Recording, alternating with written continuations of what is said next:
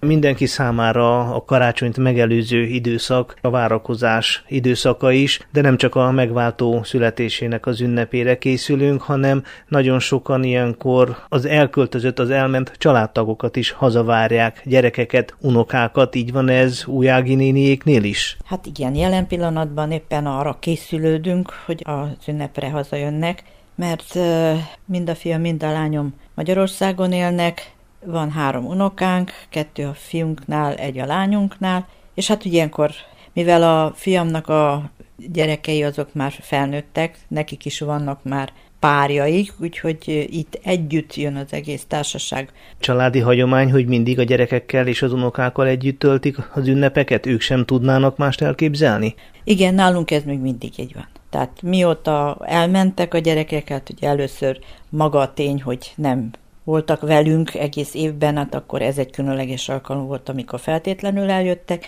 és ahogy megszülettek az unokák, már egész pici koruktól kezdve hozták őket, és itt töltöttük együtt a karácsonyt. Milyenek voltak az ön gyermekkorában a karácsonyok?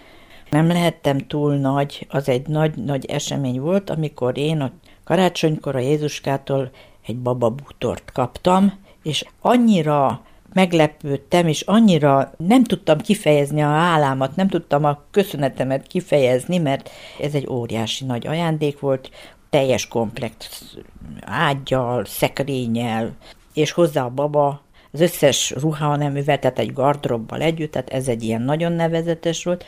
Édesanyám nagyon-nagyon. A karácsony volt számára a legszebb ünnep, legszebb családi ünnep, és ő varázslatosát tudta tenni, még akkor is, amikor borzalmas nehezek voltak a körülmények, amikor a zöldségesnél a szószoros értelme verekedtek az emberek a fenyőért, mert hoztak egy rakat fenyőt, kivettek egyet, fölmutatták, akik ott álltak és közelebb voltak, azok kitépték egymás kezéből, szóval borzalmas körülmények között tudtak hozzájutni, hogy legalább ennyi szimbóluma meglegyen még a karácsonynak, hogy tudjunk karácsonyfát díszíteni.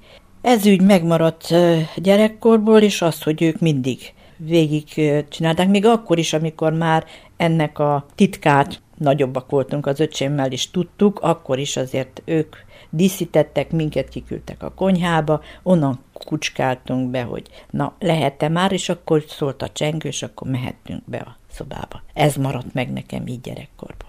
Nagy családban gyerekeskedett? Sokan ülték körül az ünnepi asztalt? Nem, mert bár az apám részéről nagyobb volt ugye a család, öten voltak testvérek, egy nem volt aradon, a többiek itt voltak, de ezek az ötvenes évek nagyon nehéz körülményei, a háború után nem tette lehetővé, hogy együtt az egész család. Ugye látogattuk egymást, de közös, nagy, ilyen családi karácsony nem volt, ez csak a szüleim meg az öcsémmel. Milyen volt az, amikor már a saját családjával ünnepelt? Fiatal házasként megmaradt emléknek a, az első közös karácsonyunk, amikor egyetemisták voltunk, és összeházasodtunk, mert avval etettek minket, hogy akkor a kihelyezésnél majd figyelembe veszik, és majd egy helyre fogunk kerülni. Mi akkor ugye negyedéven összeházasodtunk, és ezért az első karácsonyt még egyetemistaként közösen töltöttük úgy, hogy ő, mivel Bukarestben volt egyetemista, én Kolozsváron, eljött hozzám Kolozsvára, és ott sikerült egy tömbházban egy kis szobát bérelnünk, és ott egy pici fenyőfát együtt ott díszítettünk. Ez volt az közös életünk első karácsony. Hányadik közös karácsony lesz ez most? Ja Isten, számolni. 64-től egészen mostanáig van. Hány év? Hát ez akkor 58. Gratulálok hozzá. Köszönöm szépen. Hol kezdődött a pályafutás, esetleg a közös tanári pályafutás? Az egyetem elvégzése után olyan nem volt, hogy egy helyre tegyenek bennünket. Én kis ratosra kerültem, és ő monostorra. És akkor a volt tanáraink segítségével, akik azért gondoltak ránk, és tudták, hogy mi a helyzet, bevittek bennünket ide a hivatalosságokhoz.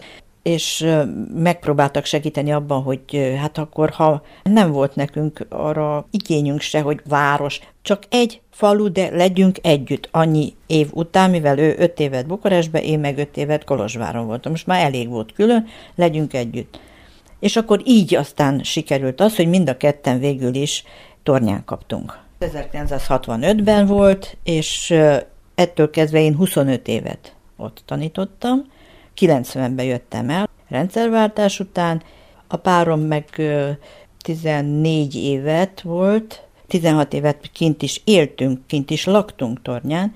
Ő 14 év után eljött az újsághoz, és két év múlva lakást kapott, és akkor 16 év után beköltöztünk ide ebbe a lakásba. A gyerekek ezek szerint ott születtek tornyán. Igen. Ha lehet mondani, akkor az én saját gyerekkori karácsonyomhoz képest ezek sokkal, de sokkal szebbek voltak, mert nekünk ezek óriási örömet jelentettek. Valami olyan nem is tudom, hogy mondjam, olyan varázslatos volt az egész, az a, azok a karácsonyok ott kint, amiben mondom, az, az egyik legaktívabb résztvevő az a nagymama volt, az édesanyám, aki már fél évvel előtte már elindult, és mindent megtett, hogy annál szebb karácsony senkinek ne legyen, miközben hát olyan időket éltünk, hogy hát semmihez nem lehetett hozzájutni, nem volt sem, de mindent csináltunk magunk. Díszektől, mindenfélén keresztül, csak hogy az a karácsony az olyan legyen, és játszottuk ezt a mesét, mert ez egy tündérmese, amit keresztül a gyerek ennek az egész csodavárásnak a misztikumát megéli kicsikorban. És nagyon szerettük ezt benne, hogy a lehető legkésőbben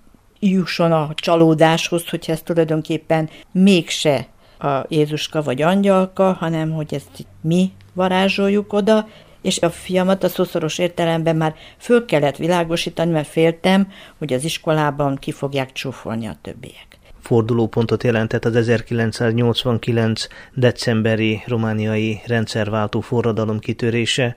Hogyan érték ezt meg a családban, a közösségben? Milyen volt az első szabad karácsony? Eléggé feszült volt, a megelőző napok, tehát onnan kezdve, hogy 16-a Temesvár, amikor én éppen tornyán voltam, mert disznót vágtunk. És ott rádióba értesültünk a temesvári eseményekről, és hát úgy eléggé csodálkoztunk meg, hogy meglepődtünk, hogy itt most mi van egyáltalán, hogy van ez, és mi lesz ebből, és aztán ugye a aradi események is beindultak, láttuk innen a balkonról a tömeget, ahogy jött végig az Újaradi úton, hallgattuk a rádiót, közben készültünk karácsonyra. És nekem az maradt meg, hogy éppen nagy takarítást csináltam, és itt voltam a másik összekötőben, amikor ordítást hallottam kintről, hogy akazut. És akkor vált világossá, hogy ez azt jelenti, hogy vége a Ceausescu időszaknak. A következő, amire emlékszem, hogy a szembelévő négy emeletes tömbház tetején hát óriási ilyen nagy reklám szövegek voltak kitéve, azt hiszem, hogy Trajaszka Pecseré valami ilyesmi, tehát egy ilyen politikai szlogen, és Tokai Gyuriék itt laktak szembe velünk, és ő a fiával ment föl, miután ezt hallották, és az volt az első, hogy azt onnan lerángatták a tetőről. Aztán utána mi is kimentünk az utcára, kimentünk a városház elé, ott térdeltünk. Elcsuklik a hangom. Ott térdeltünk a városház előtt is, mondtuk a mi atyánkot. Megvalósult az, amiért akkor az emberek kivonultak az utcára? Először ugye az a hatalmas eufória, ami mindenkin eluralkodott, és ez még ezért éveken keresztül tartott, viszont az emberek gyarlók, és aztán az, amit úgy elképzeltünk, hogy itt most már minden olyan gyönyörű lesz, mintha Mennyországban lennénk, hát azért éppen nem valósult meg, de nem panaszkodunk, mert ahhoz képest, amit mi a 80-as években itt átéltünk, ahhoz képest ez egészen más már.